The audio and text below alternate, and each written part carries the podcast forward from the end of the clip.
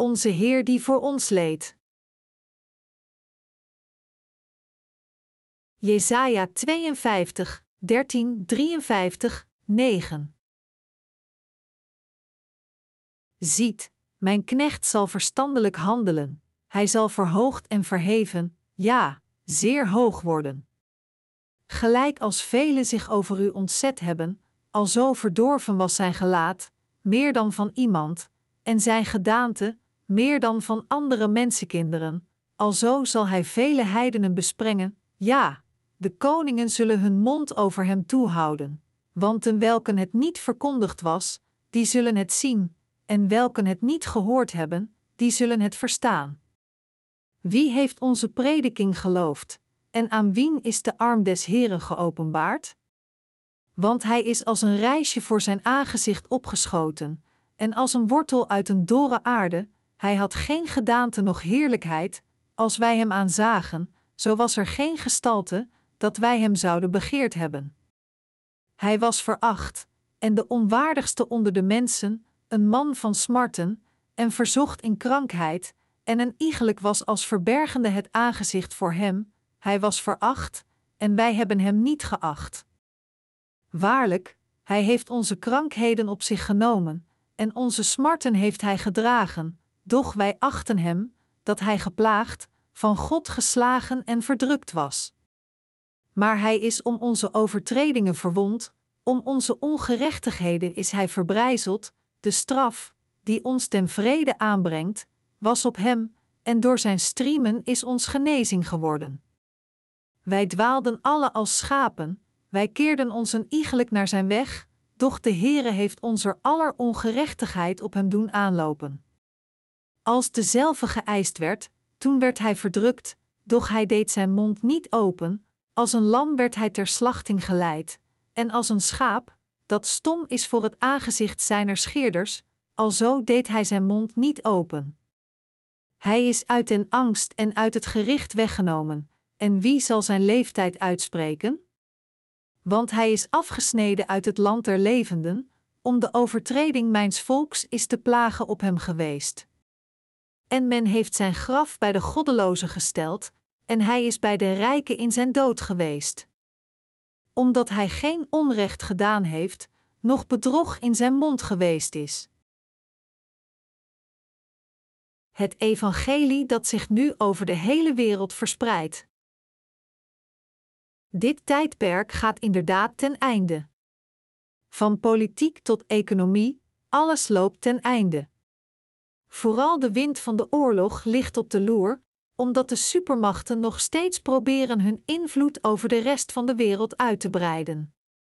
Dichter bij mijn eigen huis kondigde Noord-Korea onlangs aan dat ze nucleaire wapens aan het ontwikkelen was, wat een enorme oproer veroorzaakte in de internationale maatschappij. In zo'n tijd van crisis kan ik slechts hopen dat iedereen die in deze conflicten verwikkeld is, in staat zal zijn om deze kwesties met wijsheid op te lossen, en niet met dwaasheid, en dat ze tot overeenkomsten komen zodat ze alle vooruit zullen gaan. We moeten iedere dag bidden zodat God ons meer tijd zal geven om ons toe te staan het evangelie nog verder te verspreiden. Het is niet dat ik bang ben om te sterven. Maar het is omdat er nog steeds landen zijn waar het ware evangelie nog niet gepreekt is, en er zijn ook landen waar het oorspronkelijke evangelie nu op het punt staat te bloeien. Mijn wens is het om het originele evangelie zelfs nog meer te blijven verspreiden, nu het aan het kiemen en bloeien is, want het evangelie moet meer en verder gepreekt blijven worden. Natuurlijk, God maakt dat alle dingen samenwerken voor het goede, maar waar ik me zorgen om maak is dat de mensen zo dwaas kunnen zijn. Er zijn in feite mensen die elkanders leven bedreigen, zelfs als zij er geen idee van hebben wanneer en hoe zij zelf de dood zullen aanschouwen. Sommige van hun gaan zelfs zo ver dat ze proberen iedereen uit te roeien. Ik geloof dat God zeker de harten van alle leiders van de wereld beheerst. En ik geloof ook dat Hij ons vrede zal geven. In dit tijdperk wacht het volk van Israël nog steeds op de Messias die hun beloofd werd. Zij moeten zich realiseren dat hun Messias niemand minder is dan Jezus. Zij moeten Jezus als de Messias erkennen waarop zij wachten en als dusdanig in Hem geloven. In een niet te verre toekomst zal het evangelie dat onze Heer behaagt, gauw haar intrede doen in Israël, evenals andere landen waar de deur van het evangelie nog niet geopend is. Het evangelie wordt in feite zo goed over de hele wereld verspreid dat het volledig in deze eindtijd aan het bloeien is. Mij werd verteld dat een theologische studie in Bangladesh onze Engelse versies tot verplichte literatuur heeft gemaakt, zodat de studenten hun diploma halen. Doordat ze voor de eerste keer het evangelie van het water en de geest tegenkomen, zullen de studenten van deze studie nu allemaal de verlossing van hun zonde ontvangen, voordat zij zelfs maar een kans hebben om verbaasd te zijn. Net zo hoop ik ten eerste dat alle theologen van de wereld de verlossing van de zonde zullen verkrijgen door het evangelie van het water en de geest te kennen en erin te geloven. En degenen onder ons die voor hen de verlossing van de zonde hebben gekregen, moeten eindeloos bidden dat dit zal gebeuren. Niet alleen moeten we bidden, maar we moeten ook ons leven volgens het geloof leven. De Messias die ongeveer 700 jaar na de profetie van Jesaja naar deze aarde kwam. Jesaja was een profeet die ongeveer 700 jaar voor de geboorte van Jezus Christus op deze aarde leefde. Alhoewel hij eigenlijk de komst van Jezus Christus 700 jaar voorafging, profeteerde Jesaja alles over hoe de Messias zou komen en hoe hij zijn werk van zaligheid zou doen alsof hij de Messias met zijn eigen ogen had gezien, omdat hij veel dingen wist over de Messias.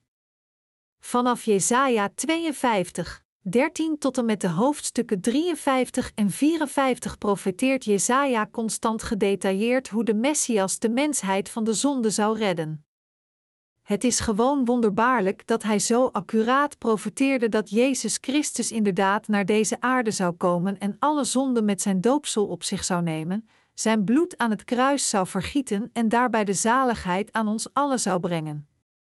En nadat 700 jaar verstreken waren sinds Jesaja's profetie, kwam Jezus Christus werkelijk naar deze aarde en vervulde al zijn werken precies zoals Jesaja had geprofeteerd.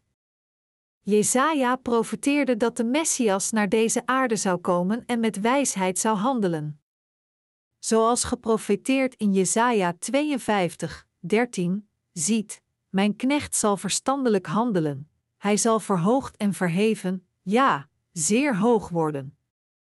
Omdat Jezus Christus naar deze aarde kwam in de gedaante van een mens en werkelijk alle zonden van de wereld op zich nam met zijn doopsel, kon hij zijn leven aan het kruis opgeven en daarbij voor alle zonden van de gehele mensheid veroordeeld worden. Net zoals Jesaja geprofeteerd had, werd alles inderdaad verstandig behandeld.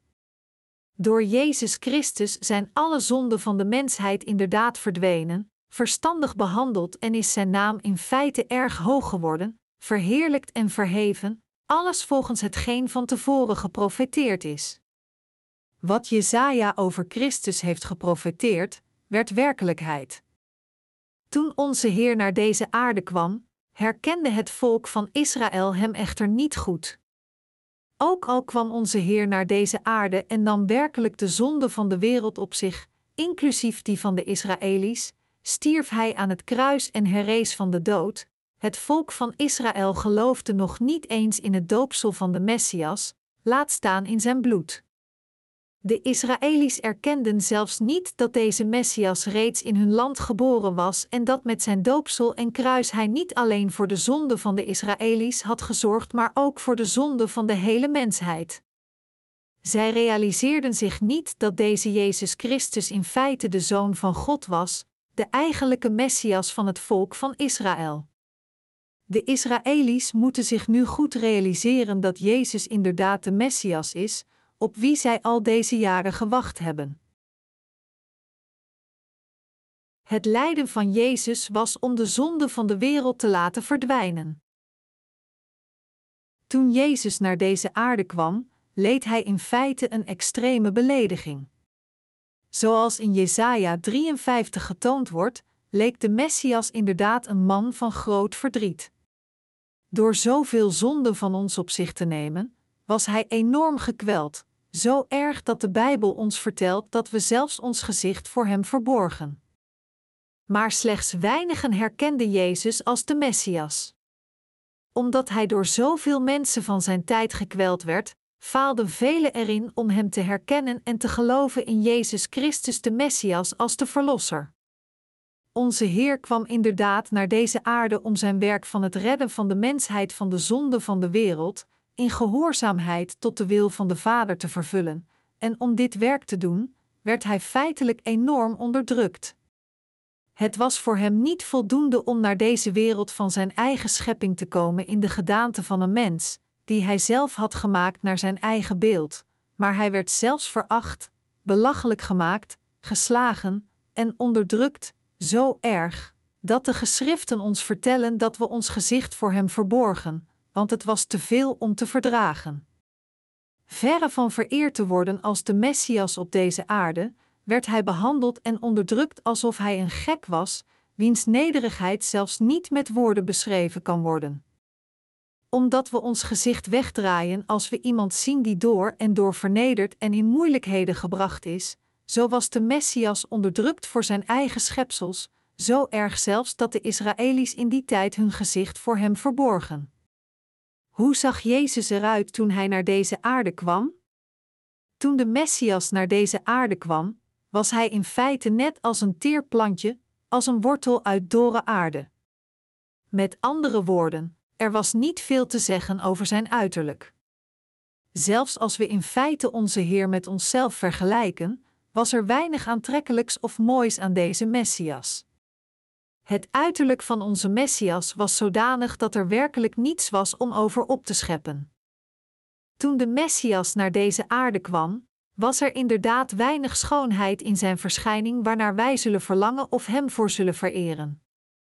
Maar ondanks deze verschijning handelde hij, als onze Messias, verstandig, ontving het opleggen van handen van Johannes om volgens het opoffersysteem al onze zonden op zijn lichaam te nemen, werd gekruisigd, vergoot zijn bloed, herrees van de dood en redde ons daarmee van al onze zonden. Omdat deze Messias al onze zonden op zich nam door werkelijk gedoopt te worden door Johannes, kon hij gekruisigd worden en zijn bloed voor ons vergieten. Zoals Jesaja 53, 3 zegt, hij was veracht, en de onwaardigste onder de mensen, een man van smarten, en verzocht in krankheid, en een iegelijk was als verbergende het aangezicht voor hem, hij was veracht, en wij hebben hem niet geacht. Omdat onze Messias naar deze aarde moest komen en alle zonden van de wereld moest laten verdwijnen door het opleggen van handen te ontvangen en zijn bloed te vergieten, moest hij eigenlijk op deze manier onderdrukt worden door het volk van Israël en de Romeinse soldaten. De onderdrukking van de Messias werd ongeveer 700 jaar geleden geprofeteerd. Dat de Messias in feite naar deze wereld moest komen, gedoopt moest worden door Johannes, zijn bloed aan het kruis moest vergieten en van de dood moest herrijzen, was reeds zo'n 700 jaar voor de geboorte van Christus door de profeet Jesaja geprofeteerd. Zoals de profeet Jesaja over de komst van de Messias geprofeteerd had, kwam Jezus Christus inderdaad naar deze aarde, precies zoals geprofeteerd was. Dat wil zeggen, de Messias Jezus werd deemoedig aan een maagd in een kribbe geboren, nam de zonden van de wereld met zijn doopsel, dat hij van Johannes had ontvangen, op zich, ging naar het kruis alwaar hij zijn bloed vergoot en stierf voor onze zaligheid en na drie dagen herrees hij van de dood. Net zoals handen op de offerande gelegd werden en het bloed op de grote verzoendag, Leviticus 16, werd vergoten, als de zonden van een jaar verzoend werden, zo nam Jezus inderdaad al onze zonden met zijn doopsel, dat hij van Johannes ontving, op zich en vergoot zijn bloed en stierf aan het kruis, alles volgens het eigenlijke woord van de profetie. Nadat hij alle zonden van de wereld met zijn doopsel gedragen had, aanschouwde Jezus in feite drie jaar lang leed tijdens zijn openbare leven. De reden waarom Jezus de Messias gekruisigd was, is omdat alle zonden van de wereld door zijn doopsel van Johannes de Doper aan hem waren doorgegeven, en dit is ook waarom hij dus door iedereen veracht, vervolgd en onderdrukt werd. De mensen ontkenden niet alleen dat Jezus de Messias was, maar en de Romeinen sommige Joden haatten en vervolgden Jezus in feite ook op onbeschrijfelijke wijze. Hij werd door hen ook extreem gehaat en verworpen. Jezus nam in feite alle zonden van de mensen in een keer op zich door zijn doopsel van Johannes de Doper in de Jordaan te ontvangen, en daarna vergoot hij zijn bloed aan het kruis. De Messias werd door Johannes gedoopt en vergoot zijn bloed aan het kruis om zijn vaders wil te vervullen. Hij werd daarna naakt aan het kruis geslagen en bespuwd. Alle omringende mensen maakten Jezus toen belachelijk, sarden hem: Als je werkelijk de zoon van God bent, kom dan naar beneden en red jezelf. Toen Jezus met zijn doopsel zijn openbare leven begon, moest hij in feite veel leed verdragen wat hem door de mensheid werd aangedaan. Alhoewel Jezus Christus eigenlijk de zonde van de wereld met zijn doopsel voor de mensheid op zich had genomen, haatten de mensen van die tijd hem, die als hun eigen Messias kwam, omdat ze niet in staat waren het zich voor te stellen, terwijl ze hem constant vervolgden, hem groot leed aandeden, beschuldigden en beledigden. Jezus was in feite zo erg gehaat dat de geschriften ons zeggen dat hij, toen hij hier op aarde was, als een worm behandeld werd. U heeft er inderdaad geen idee van hoe erg de Fariseeën Jezus haten. Deze Fariseeën konden de Messias niet met rust laten, omdat hij hun leiderschap en populariteit scheen te bedreigen. Dus haatten zij de Messias, terwijl ze steeds probeerden fouten bij hem te vinden en niet aarzelden om, iedere keer als hun stelsel faalde, verschillende persoonlijke aanvallen op hem los te vuren. De Messias werd onderworpen aan allerlei soorten beledigingen en beschuldigen die gevuld waren met haat en slechtheid. Jesaja had dus geprofeteerd hoe de Messias onderdrukt zou worden. We kunnen daarom bevestigen, door de gedetailleerde profetieën die de profeet Jesaja 700 jaar voor de komst van de Messias gemaakt had, wat voor een behandeling Jezus in deze wereld zou ontvangen. Geloofden de mensen in Jezus Christus de Messias die door het water en het bloed kwam? Ondanks deze onderdrukking deed Jezus de Messias stilletjes zijn werken en voltooide ze. Nu moet het volk van Israël en iedereen over de hele wereld zich realiseren en geloven dat deze Messias, Jezus Christus is. Om de zonde van de Israëli's en van iedereen in de wereld te laten verdwijnen, ontving de Messias inderdaad zijn doopsel in de vorm van het handen opleggen, werd feitelijk gekruisigd en dus leed hij alle onderdrukkingen tot het uiterste, en door dit te doen, heeft hij de gelovigen in zijn diensten volledig van al hun zonden gered, en heeft hij het geloof van deze gelovigen geheel goedgekeurd. Ondanks het feit dat de Messias in zijn nederige vorm naar deze wereld kwam, en ondanks het feit dat hij gedoopt was, aan het kruis stierf en van de dood herrees om alle zonden van iedereen te laten verdwijnen, was het aantal mensen dat in hem geloofde slechts gering.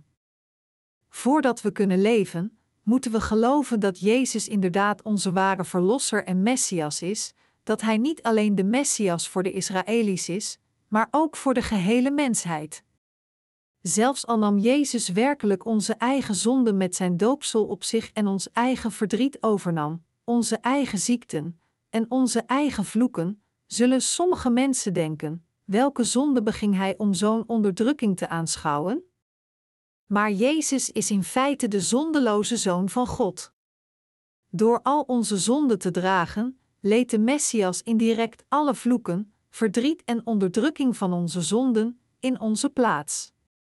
Door alle onderdrukking die Jezus tijdens zijn 33-jarige leven sinds zijn komst naar deze aarde moest aanschouwen, heeft Hij ons van al onze zonden verlost. Geloofden de mensen toen der tijd in Jezus Christus de Messias die door het water en de geest kwam, door het woord van God, dat gesproken werd door de profeet Jesaja, te horen?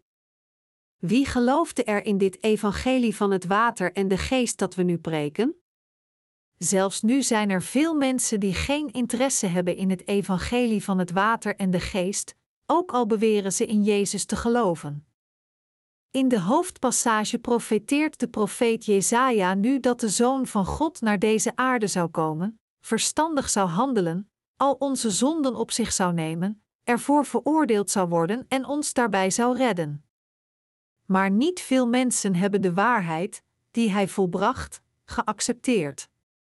Ik ben er echter van overtuigd dat vanaf dit moment alle mensen van alle landen Jezus Christus als hun Messias zullen herkennen en hem huizenhoog zullen prijzen. Realiseert u zich nu dat Jezus de Messias onderdrukt werd vanwege de zonden van het volk van Israël, vanwege de zonden van ons en vanwege de zonden van de gehele mensheid? De profeet Jesaja, die gewild had dat u dit wist en erin geloofde, profeteerde dus de dienst van de Messias op deze manier. De Messias was net als een wortel uit dorre aarde. Dit is hoe de profeet Jesaja de komst van Jezus Christus de Messias voorspelde, dat als hij naar deze aarde zou komen, hij in een betreurenswaardige gedaante zou komen. Jesaja zei dat de Messias als een reisje voor zijn aangezicht opgeschoten, en als een wortel uit een dorre aarde, Jesaja 53, 2. Toen Jezus Christus in de gedaante van een mens naar deze aarde kwam, was hij niet iemand die de mensen als aantrekkelijk zouden beschouwen. Hij was geen gespierde, lange en goed gebouwde man zoals Arnold Schwarzenegger of Sylvester Stallone. Hij was in feite zo nietig dat we, als we naar hem hadden gekeken, medelijden met hem zouden hebben gehad. Desalniettemin was zijn woord zo scherp als een dubbelzijdig zwaard. Jezus de Messias zag er niet alleen arm uit, maar hij was ook arm. Jozef, zijn vleeselijke vader, was maar een timmerman. Een familie waarbij een timmerman in de behoefte voorzag, had het niet te breed, laat staan dat ze in overvloed leefden. Slechts door hard werken konden timmermannen net rondkomen. Ook ging de Messias, die naar deze aarde was gekomen, niet naar school. En dus probeerden de Fariseeën hem ervoor te bespotten, maar zij konden dit niet doen omdat het slechts zou openbaren dat Jezus Christus de Messias inderdaad de Zoon van God was. Jezus is nooit naar de school van Gamaliel gegaan, de meest gerespecteerde Joodse school van die tijd, waar een van de bekendste wetgeleerden, Gamaliel, de wet onderwees.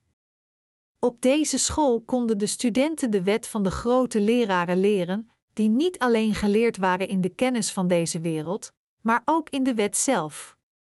Maar Jezus had niet op zo'n school gezeten. Er zijn geen gegevens bekend of hij naar een school ging.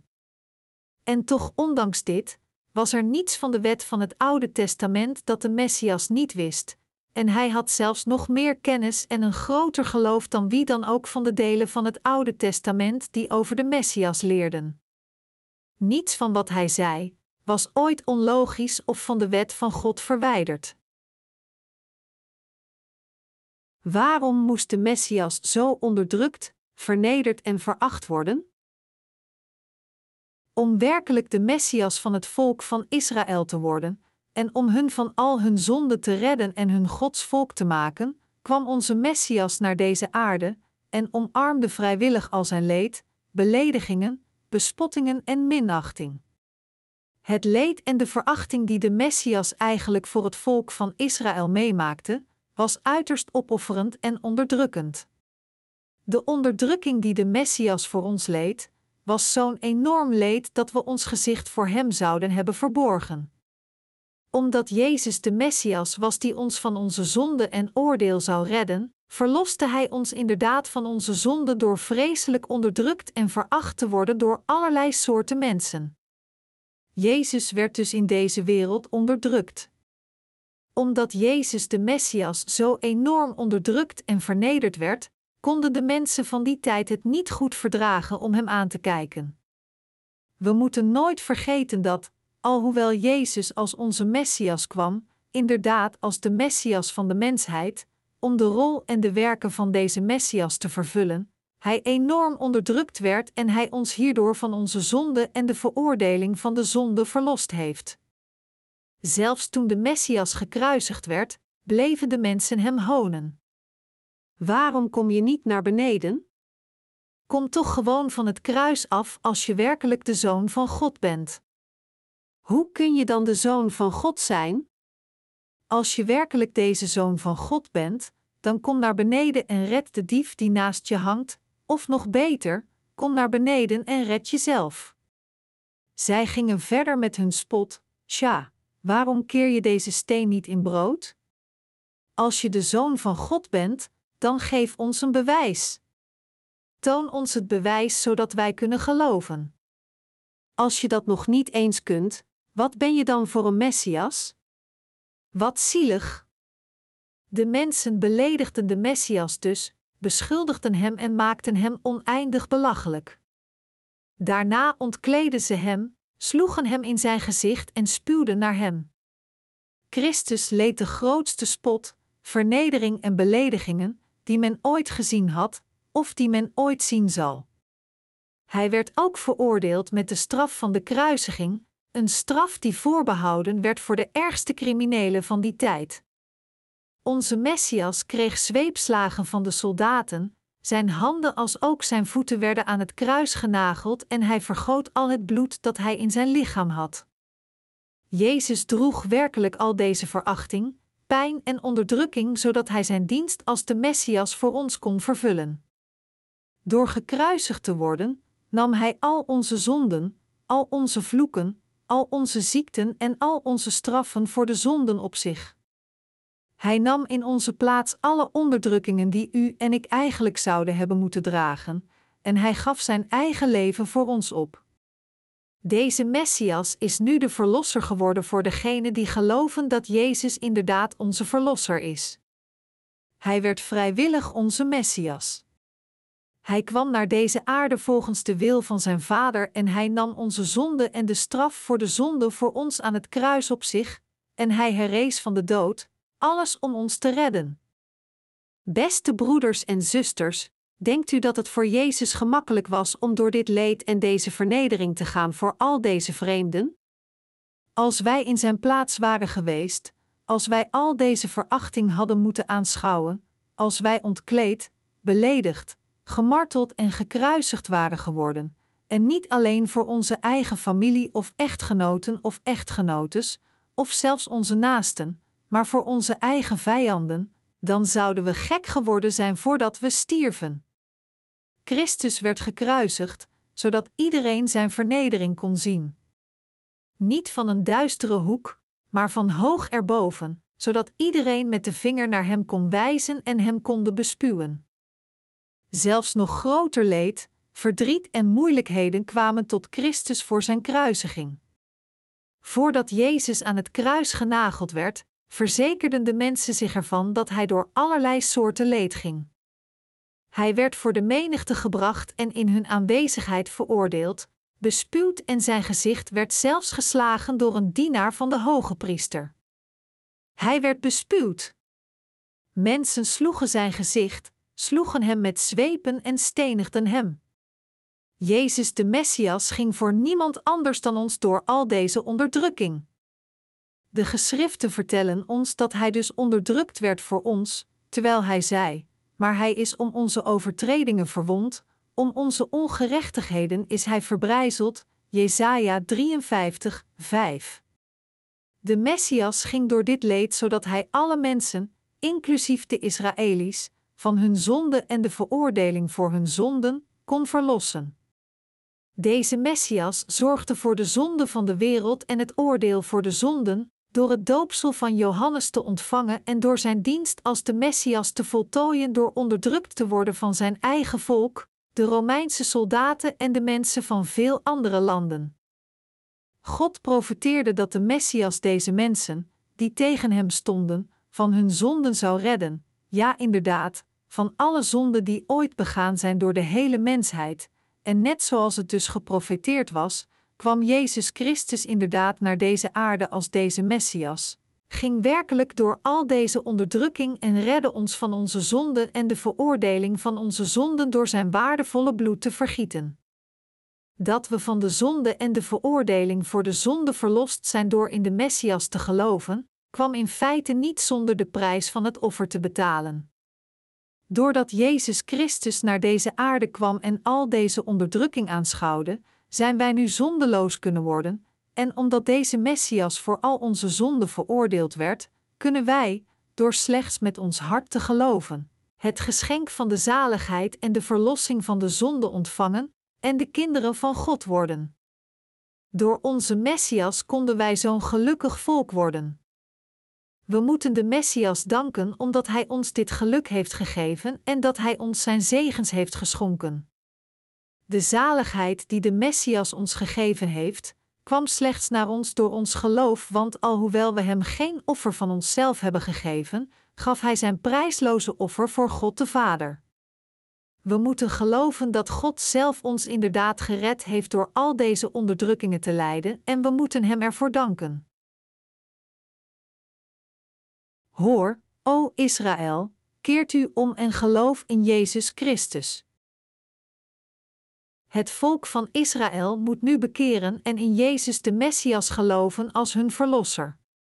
Zelfs nu op dit moment erkennen de Israëli's nog steeds niet dat hun Messias reeds gekomen is. Precies zoals de profeet Jesaja geprofeteerd had dat de Messias, de dienaar van God, naar deze aarde zou komen en zoals dit woord van de profetie ons voorspelde dat deze Messias als hij naar deze aarde zou komen ons allen zou redden, door alle zonden van de mensheid op zich met zijn doopsel te nemen en door gekruisigd te worden, heeft Jezus Christus inderdaad al zijn werken van de zaligheid vervuld. Het volk van Israël moet zich nu omkeren en deze waarheid kennen en erin geloven. Zij moeten de zonde toegeven die hun volk beging bij de kruisiging van Jezus. En zij moeten hun ware ik erkennen, dat ze gewoon een massa zonde zijn vanaf hun geboorte, en door nu in deze Messias te geloven moeten ze gered worden van al hun zonde en de veroordeling van de zonde. Er is nu geen andere Messias. Omdat Jezus Christus reeds als de Messias kwam, is er geen andere Messias. Hoe zou er eigenlijk een andere Messias kunnen zijn? Hoe zou er een andere Verlosser kunnen zijn? Hoopt het volk van Israël dat een of andere Hollywood-actieheld, zoals Superman, zou opkomen en hun Messias zou worden als zij in de toekomst door nog meer moeilijkheden gaan? Zelfs vanaf dit moment moeten de Israëli's Jezus Christus als hun Messias erkennen. Zij moeten geloven dat Jezus Christus inderdaad hun eigen ware Messias is. Hun Messias is reeds 2000 jaar geleden naar deze aarde gekomen en nam hun zonden op zich en maakte hen de ware kinderen van Abraham. Hij werd gedoopt, net zoals zij besneden moesten worden, en was gekruisigd, alles zodat zij de geestelijke besnijdenis zouden krijgen. De Messias werd de ware verlosser van het volk van Israël door hun zonden op zich te nemen met zijn doopsel van Johannes, ze naar het kruis te dragen en zijn bloed te vergieten om onderdrukt te worden en te herrijzen van de dood. De Israëli's moeten zich bekeren om in de Messias te geloven. Zij moeten nu in Jezus Christus als hun Messias geloven. Alles wat nu nog vervuld moet worden is dat het volk van Israël in Jezus Christus als de Verlosser gaat geloven. Zij moeten zich realiseren dat de Messias, die door Jesaja geprofeteerd werd, deze Jezus Christus is. Zij moeten zich realiseren en geloven dat deze geprofeteerde ene niemand minder dan Jezus zelf is. De profetieën van het Oude Testament zijn alle vervuld door Jezus Christus, terwijl hij niet het kleinste lettertje nog de minste streepje heeft weggelaten. In de hoofdpassage wordt ook gezegd dat veel landen besprenkeld zullen worden. Jesaja 52, 14, 15 verklaart: Gelijk als velen zich over u ontzet hebben, alzo verdorven was zijn gelaat, meer dan van iemand, en zijn gedaante, meer dan van andere mensenkinderen, alzo zal hij vele heidenen besprengen, ja, de koningen zullen hun mond over hem toehouden, want ten welken het niet verkondigd was, die zullen het zien, en welken het niet gehoord hebben, die zullen het verstaan. Jezus Christus aanschouwde, door naar deze aarde te komen, leed dat veel groter was dan dat van welke crimineel dan ook die op deze wereld ter dood wordt veroordeeld.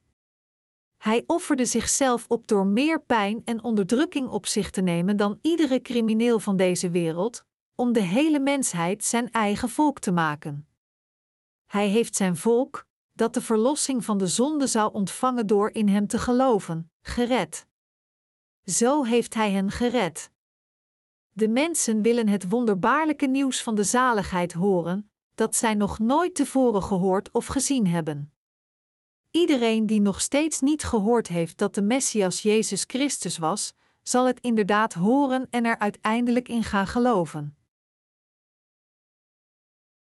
Jezus is de Messias die ooit kwam en ooit weer komen zal.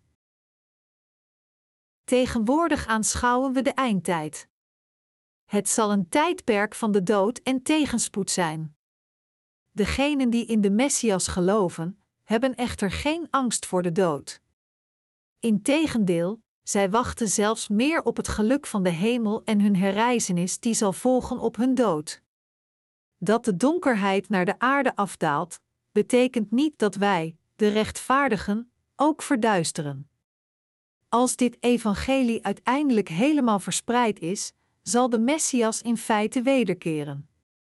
Jezus Christus, onze Messias, kwam naar deze wereld als het Lam van God, als de offerande voor de zonden, en hij liet zijn lichaam dopen door Johannes en gaf het op aan het kruis. Net zoals een schaap voor de scheerders, zo nam Jezus de Messias rustig onze zonden op zich, aanschouwde groot leed door ons eigen oordeel voor de zonden, naar het kruis te dragen, herrees na drie dagen van de dood en werd dus de volmaakte verlosser voor alle die geloven.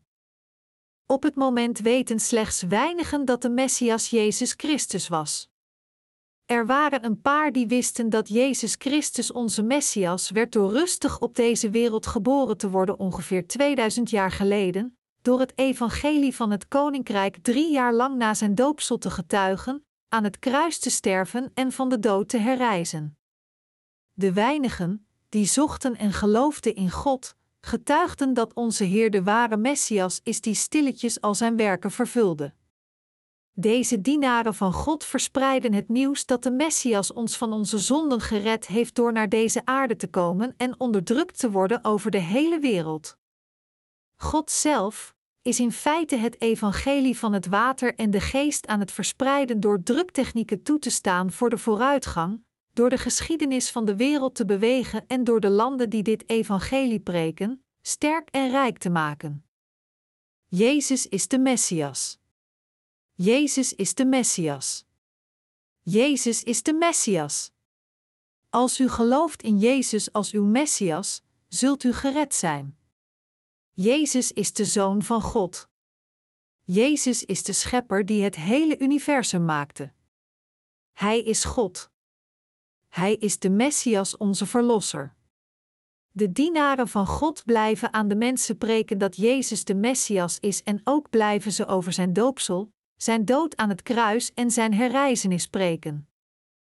Maar weinig Israëlische jongeren hadden zich gerealiseerd dat 2000 jaar geleden een jonge man die Jezus heette, naar deze aarde kwam en dat hij, toen hij dertig werd, de zonde van de mensheid op zich nam door gedoopt te worden van Johannes. In die tijd wisten slechts Jezus' eigen discipels dat hij de Messias was en deze kennis werd slechts met een handjevol mensen gedeeld die God werkelijk vreesden, de rest bleef onwetend ten opzichte van deze waarheid. Al met al waren er slechts ongeveer 500 heiligen, 1 Korintiërs 15, 6, in dit land van Israël, die wisten dat de Messias de zonde van de wereld naar het kruis droeg, dat hij eraan stierf en dat hij van de dood herrees. Alle andere mensen hadden geen idee. Op de vijftiende dag na de dood van Jezus Christus en zijn herrijzenis, daalde de Heilige Geest werkelijk neer op zijn discipels. Toen Christus' discipels in een bovenkamer aan het bidden waren, daalde de Heilige Geest inderdaad over hen en liet hun in tongen spreken en getuigde dat de Messias Jezus Christus was. Daarna getuigden zijn discipels die de dood niet vreesden, moedig Jezus is de Messias. De Messias is onze Verlosser. De herrezen Jezus is onze Messias. Veel mensen gingen daarom op dat moment geloven. Door Jezus de Messias heeft God ons inderdaad van al onze zonden en de veroordeling voor de zonde gered. Omdat Hij dus zo enorm leed om ons van onze zonde en het oordeel te redden, moeten we dus absoluut in Hem geloven. Degenen die niet geloven, moeten zich bekeren, zich omdraaien en ook geloven. En we moeten alle deze waarheid met geloof verspreiden. Het volk van Israël leeft nu in feite onder de angst van een extreem gespannen situatie. Zij moeten daarom dit woord van de tabernakel horen dat God eigenlijk tegen hen heeft gesproken. We gaan nu ook de eindtijd binnen. Het evangelie van het water en de geest dat getoond wordt in het opofferingssysteem van de tabernakel, zal zeker de weg naar het volk van Israël vinden. Zij zullen ook gaan geloven dat Jezus Christus inderdaad de Messias is waarover God tegen hun heeft gesproken. God heeft het volk van Israël reeds over het opofferingssysteem verteld en zij geloofden erin. Zij willen in feite nog steeds offers aan God aanbieden volgens dit opofferingssysteem van de tabernakel. Onder de Israëli's zijn nog steeds enkele fundamentalisten die in de woestijn leven. Zelfs nu leven deze mensen in de woestijn en bieden op deze manier offers aan. Zij geven met andere woorden het offer dat ooit geofferd is in de tabernakel. Misschien zijn zij de nakomelingen van Aaron. Om zich aan de tradities van hun familie te houden, leven zij in de woestijn in plaats van in de stad. Alhoewel zij Israëli's zijn, leven zij als een afgezonderde stam die geïsoleerd leeft van het gewone volk. Tot deze mensen moeten we in feite ook het woord van de tabernakel preken dat de Messias reeds gekomen is en ons volgens ons geloof heeft gered. We moeten Jezus danken voor zijn komst naar deze aarde, dat hij zo onderdrukt is en voor ons in de plaats is veroordeeld, en dit alles om u en mij te redden als onze Verlosser van onze zonden en de veroordeling voor de zonden. De liefde is sterk als de dood, de ijver is hard als het graf. Dat wij in feite gered zijn van al onze zonden en het oordeel van de zonde, werd niet behaald door een meevaller, alsof het per ongeluk per post geleverd werd. Onze zaligheid is niet een of andere kettingbrief die ons blijft vertellen dat we het moeten doorsturen naar meer dan twintig mensen omdat we anders verdoemd zijn. Nog is onze zaligheid van de verlossing van de zonde als een van de vele pamfletten die twee halen, één betalen, pizza-koopjes aanbieden, waar wij gewoon naar kunnen opbellen en onze maag naar behoeven kunnen vullen. Onze zaligheid kwam in feite doordat God zijn zoon naar ons had gezonden, door al onze zonden aan Hem door te geven, en door Hem te laten lijden en onderdrukken voor al deze zonden van ons. Daarom moeten u en ik met ons hele hart in Hem geloven en Hem danken. Hoe kan iemand het ooit als een paar versleten schoenen weggooien of als een onbruikbaar kapot gereedschap dat op de zolder ligt, of het zelfs negeren alsof het van iemand anders is, terwijl men weet waardoor onze zaligheid komt? Is er iemand onder u die nog niet de verlossing van de zonden heeft gekregen, alhoewel hij slash zij naar de kerk van God gaat? Is er iemand die werkelijk nog niet in het evangelie van het water en de geest gelooft? Als er inderdaad zo'n mensen zijn, dan moeten zij alle bekeren en in de Messias gaan geloven voordat het te laat is. Als u verdwaald bent en niet zeker weet welke kant u op moet, moet u gewoon met uw hele hart in het woord van de waarheid geloven. Degenen die niet geloven, worden van deze liefde van de Zoon van God geweigerd, de liefde waarmee Hij hen gered heeft door al dit leed mee te maken voor niemand minder dan zij. Degenen die de waarde van Zijn liefde onderschatten en het weigeren, zullen vervolgd worden door vloeken. Het geschrift vertelt ons, want de liefde is sterk als de dood, de ijver is hard als het graf, Hooglied 8, 6. Gods liefde is zo sterk en groot dat het de vreedste straf over de mensen brengt die het tot het einde toe weigeren. Het vertelt ons met andere woorden dat als iemand sterft terwijl hij slash zij nog zondig is, hij slash zij inderdaad de genadeloze pijn van de hel zal lijden als het graf. Haat is zo vreed als het graf. Als de Messias u zo enorm lief heeft, dat hij er dus voor gedoopt is, zijn eigen bloed vergoot en allerlei soorten van onderdrukking leed, alleen maar om u te redden. Als u niet in deze liefde gelooft en het verwerpt, zult u zeker deze vrede pijn lijden. Dit is niets anders dan de hel. God heeft dus gezegd: en gelijk het den mensen gezet is, eenmaal te sterven, en daarna het oordeel, Hebreeën 9 uur 27. Als we sterven, zal ons vlees eindigen, maar voor God is het niet het einde van ons. Om vreed over degenen te treden die de liefde van God geweigerd hebben, laat God hun nooit sterven, en Hij zal inderdaad genadeloos leed aan hun brengen. Hij zal met andere woorden hun werkelijk in het eeuwig brandende vuur gooien en hun voortdurend pijn laten lijden, eindeloos en voor altijd en eeuwig. Dit leed dat zo vreed is, is niets anders dan de vredehaat van God. Denkt u dat God nooit in staat zal zijn om zichzelf zoiets te laten doen? Vergeet niet dat niets onmogelijk is voor God. De grootste en uiterste liefde van God voor ons heeft ons van al onze vloeken gered, al onze zonden en al onze veroordeling, doordat Hij zichzelf heeft laten lijden voor ons. Het is deze liefde van de Messias die al uw problemen kan oplossen. Er is inderdaad niets dat groter is dan de liefde van de Messias. Zonder geloof in deze Messias kan de liefde van God niet van ons zijn. Deze liefde wordt ons slechts gegeven door deze God, de ene die onze Messias is geworden, en het is zijn Vader die hem naar ons heeft gezonden. De Almachtige Drie-eenheid God heeft op deze manier van ons gehouden en Hij heeft ons dus van onze zonden en de veroordeling gered. Daarom moeten we in de Messias geloven, Hem danken, heerlijkheid schenken en tevreden zijn met ons geloof in deze Messias.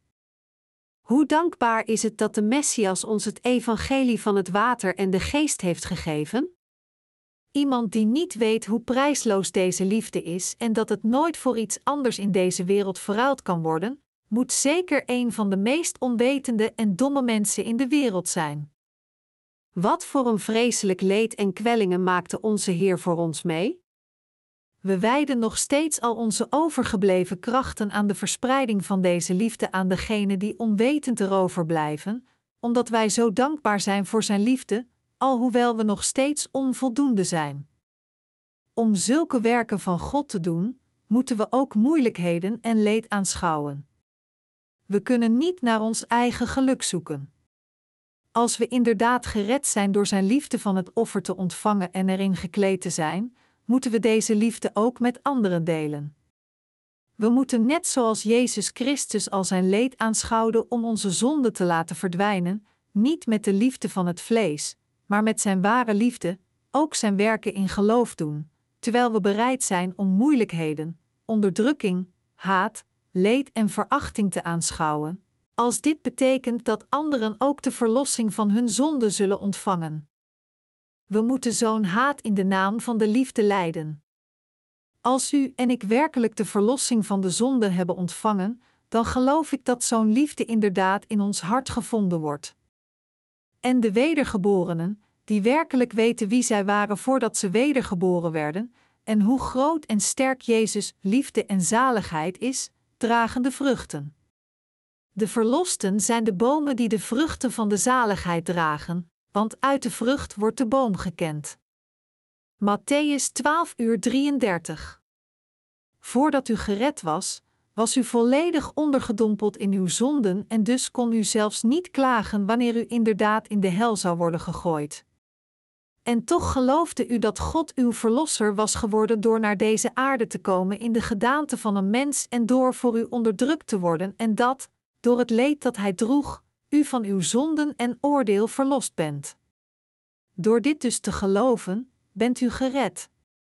Als u inderdaad deze liefde ontvangen heeft, dan moeten u en ik inderdaad een hart hebben dat wenst om voor anderen te leven. Als iemand niet zo'n hart heeft, dan heeft hij slash zij niet de verlossing van de zonde ontvangen. Om precies te zijn, deze persoon doet net alsof hij slash zij de verlossing van de zonden heeft ontvangen. Net zoals Christus al zijn leed aanschouwde en ons gered heeft van al onze zonden en oordeel omdat Hij ons lief had, wordt deze liefde ook in ons eigen hart gevonden als we inderdaad gered zijn door in deze liefde te geloven. Waarom? Omdat Christus nu in ons hart leeft. Als Hij voor ons onderdrukt werd en ons liefhad, moeten wij ook verlangen om voor anderen te leven en moeilijkheden voor hen aanschouwen. Omdat degenen onder ons die de verlossing van de zonde hebben ontvangen, niet langer zonde in hun hart hebben, is hun hart het hart van Jezus Christus geworden. Ik dank Jezus Christus omdat Hij naar deze aarde is gekomen, omdat Hij gedoopt werd en zijn bloed aan het kruis vergoot, voor het omarmen van al zijn leed en dat Hij daarbij onze Messias is geworden die ons van al onze zonden heeft verlost.